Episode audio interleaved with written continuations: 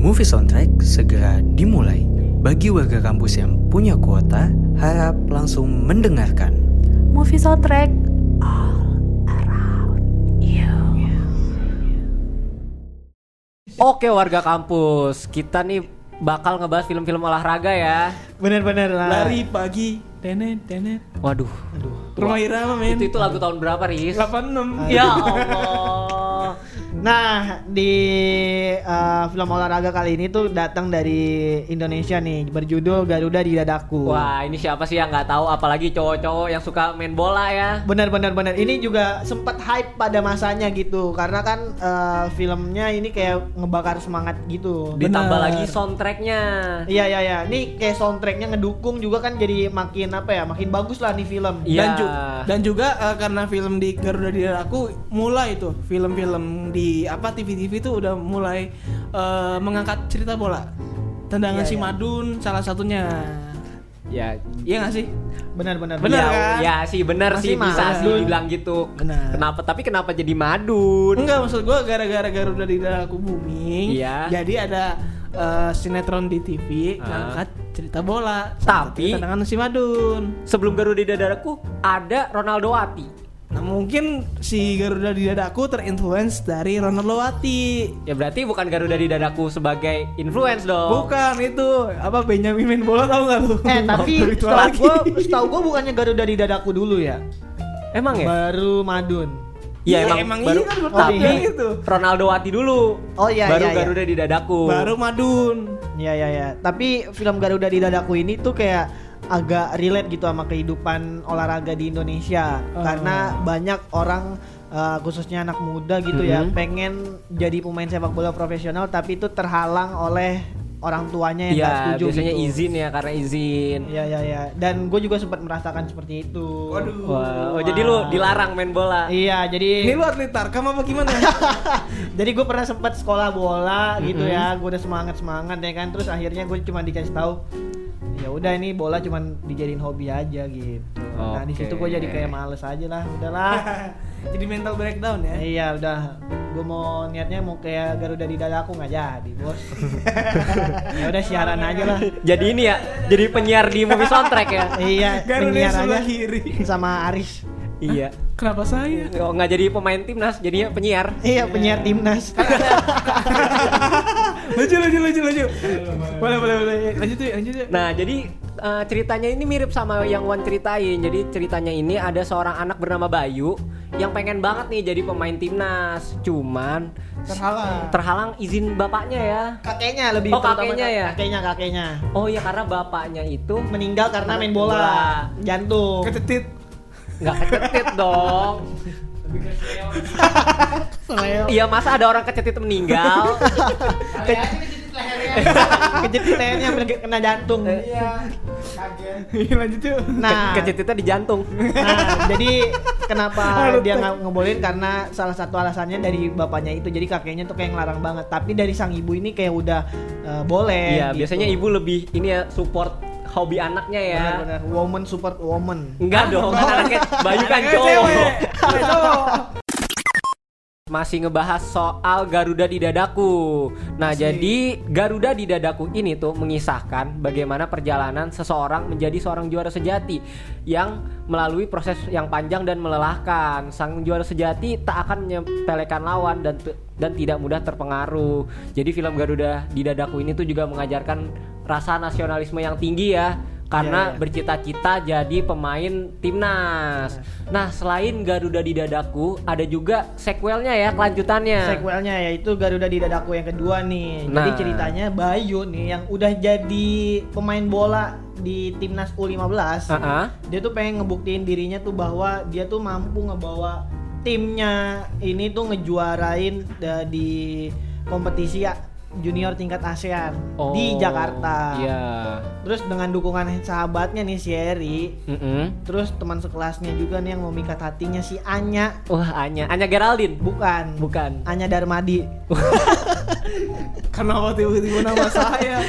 Jadi ngeri ya tampangnya ya. Waduh. Dan pelatih timnas Masuk- dengan masuk- teknik unik yaitu Pak Wisnu. Jadi Bayu ini yang ngemimpin teman-temannya berjuang yang Mhm. sangat keras nih. Dia tuh akhirnya mencapai final. Wih. Tapi kehadiran seorang pemain baru yang bernama Yusuf tuh malah kayak mengacaukan konsentrasi Bayu nih. Jadi Kenapa tuh dia emang si Yusuf Soalnya ini? nih si Yusuf ini kan eh, udah jadi rising star di, tam- di tim tersebut nih. Maksudnya tuh jadi eh, makin terkenal dah. Mm-mm. Terus dia tuh juga, juga ternyata makin akrab sama temennya si Bayu nih si Harry. Oh, jadi kayak temennya diambil lah ya. Iya iya iya kayak ya gitu deh. Terus dia tuh kayak ditambah situasi tim yang makin apa ya makin hancur lah. Terus jadi Mhm. si Bayu ini tuh kayak pesimis dan malah milih kabur nih. Jadi final kompetisi udah selangkah lagi nih di depan Mhm. mata. Nah tapi eh, gimana kelanjutannya mending eh, warga ka- kampus nonton aja deh. Iya, warga kampus nonton aja. Dan dulu nih Garuda di dadaku ini tuh sempat menjadi ini ya, film-film favoritnya anak-anak. Iya, SD benar, SMP benar. yang Iya kan? suka banget bola. Iya iya iya. Karena jujur aja nih warga kampus, dulu gua waktu SD itu cita-citanya jadi pemain bola. Iya kan ya. Karena ya mungkin ada apa ya positifnya dari film tuh itu kayak bisa ngebangun atau uh, membuat orang tuh jadi uh, apa ya semangat Iya. gitu ya dengan isi film tersebut. Apalagi ini kan di bidang olahraga ya. Jadi Mm-mm. kita tuh juga kayak ngerasa uh, siapa tahu ya kan hobi kita ini tersalurkan dan bisa akhirnya uh, membawa ne- negara ini tuh jadi baik gitu ya. Iya. Nah, dan dulu juga nih eh, cita-cita anak cowok tuh nggak jauh-jauh lah dari pemain bola, apa dokter, nggak ada tuh cita-citanya jadi apa? Komisaris Telkom nggak ada, Jadi menteri Iya, iya. BUMN juga nggak ada. Nggak Jadi ada, nggak ada. Makanya Garuda di dadaku ini tuh salah satu film favoritnya anak-anak zaman dulu deh, Bener-bener. karena menggambarkan perjuangan serta keteguhannya untuk menjadi pemain timnas. Lu pengen jadi pemain timnas gak Wan? gue pengen jadi pemain timnas gue gue di posisi apa aja nggak apa-apa deh asalkan gue bisa ngebela negara tercinta ini. Anjay. Anjay. Ya Pemain warga pengganti kampus. deh. Pemain pengganti. nggak mau. apa-apa pemain pengganti juga Yuk, seenggaknya gue Iya, pemain pengganti di timnas juga bangga ya. iya karena dia kan dari sekian banyak orang terus akhirnya dia terpilih walaupun nggak jadi starting line up gitu Ah, ah. 107.7 FM. 107.7 FM. Radio Budi Luhur. Sekarang masih dengan film yang berolahraga ada Cahaya dari Timur. Beta Maluku. Di tahun 2014 sudah tayang nih warga kampus. Nah, film ini tuh menceritakan tentang bola juga ya. Yes, tetapi ini kayak mengangkat eh, orang-orang dan juga tokoh-tokoh yang berasal dari eh, timur, khususnya Maluku. Jadi ini kayak mengangkat eh, menceritakan juga orang-orang Maluku tuh gimana sih dan juga bagaimana caranya mereka menggapai cita-cita menjadi pemain bola timnas. iya karena uh, di apa ya di bagian timur ini kan sebenarnya tuh banyak potensi Benar, benar, Betul. benar. Tapi coba kurang terekspos aja. Iya kurang Iya. terekspos. Nah mungkin dari film ini tuh kayak kita tuh bisa harusnya ya dari eh, para pelatih ataupun dari para pemantau tim itu Iya. seharusnya tuh harus bisa ngelihat lagi bakat-bakat dari orang timur. Iya, karena kita tahu sendiri bakat orang timur tuh kadang-kadang bisa melebihi rata-rata ya. Bener-bener bener apalagi eh, di bidang masalah fisik gitu ya fisiknya nih cukup kuat gitu Wah, ya. iya jangan diheran. Boa Solosa masih bisa main. Bener-bener. Bahasa Greg. Mokolo juga ada. Nah, Wah. Eh, jadi film ini tuh dirilis pada tahun 2014 19 Juni yang dibintangi oleh Chico Jericho dan Safira Um. Mm-mm. Jadi itu dia tuh diangkat dari kisah nyata film Cahaya dari Timur Beta Maluku ini tuh sejak awal mengambil pilihan untuk menghadirkan gambaran kondisi sebenarnya berdasarkan cerita nih. Uh-uh. Nah, terus pendekatan sosial budaya dan akurasi fakta menjadi elemen penting dalam pengerjaan film ini. Nah, jadi tuh film ini tuh diproduksi eh diproduksi oleh Visinema Pictures yang dan juga mendapat penghargaan Festival Film Indonesia tahun 2014 sebagai film terbaik. Nah, film ini tuh juga disutradarai oleh Angga Dwi Mas Sasongko. Buat yang nggak tahu siapa itu Angga Dwi Mas Sasongko, dia itu adalah sutradara dari film NKCTHI. Sama filosofi kopi. Betul. Jadi sebelum-sebelum film-film yang filosofi kopi atau NKCTHI, Angga Dwi Mas Sasongko nih udah pernah sutradarai film Cahaya dari Timur. Nah, cerita dikit tentang filmnya. si Sanita Waneila yang diperanin oleh Chico Jericho ini tuh ingin menyelamatkan anak-anak di kampungnya dari konflik agama yang terjadi di Ambon melalui sepak bola. Di tengah kesulitan hidup serta pilihan antara keluarga atau tim sepak bolanya, Sani ditugaskan membawa timnya mewakili Maluku di kejuaraan nasional. Namun keputusannya membaurkan anak-anak yang berbeda agama dalam satu tim justru menyebabkan perpecahan. Sulit ternyata ya karena kan perbedaan. Karena perbedaan itu memang sulit tapi manis lah kampus. Betul. Jadi perbedaan tuh bisa bisa mungkin jadi menyatukan, bisa juga jadi menyebabkan perpecahan. Tapi sekali lagi sulit. Kenapa Riz lu ini punya pengalaman pacaran beda agama? Yes, bener, bener banget. Sama pemain bola? Enggak dong, saya masih normal. Oh, kirain kan lagi bahas olahraga nggak, by- gitu kan. By the way, orangnya deket sini lagi rumahnya. Oh, di mana? Wah, terus. informasi yang sangat penting ya warga kampus. Oh, Sangat penting. Di mana sih di Ini eh, pasar SBY SBY. Pasar Bengkok? apa sih yang deket ini? Pasar Jombang. Nah, iya, iya. Dan dekat rumah gua dong. Udah jauh dong ada ke Pasar sini dong. Jombang, Jauh ya? Bintaro. Jauh ya? Oh, ini salah salah. Malah jadi dekat rumah gua, Boleh, serem. boleh. Apa lo yang gepet jangan-jangan? Oh iya, iya, Aris cemburu ya. Ya, Aris cemburu. Oke warga kampus Yes. masih ngebahas soal cahaya dari Maluku nih. Beta dari timur. Betul. Oh lu dari timur. Bukan gue, maksudnya itu dari uh, ada ada subjudulnya lagi. Oh. Nggak tapi bener beta kan artinya ah, gua dari timur. Mungkin karena gua menyerupai kali ya. Menyerupainya maksudnya kayak gimana nih? Menyerupai Lu musang, lu sih, lu. musang, tau musang gak lu? Musangking. Musang. Enggak, enggak sebenarnya tuh warga Maluku tuh enggak musang.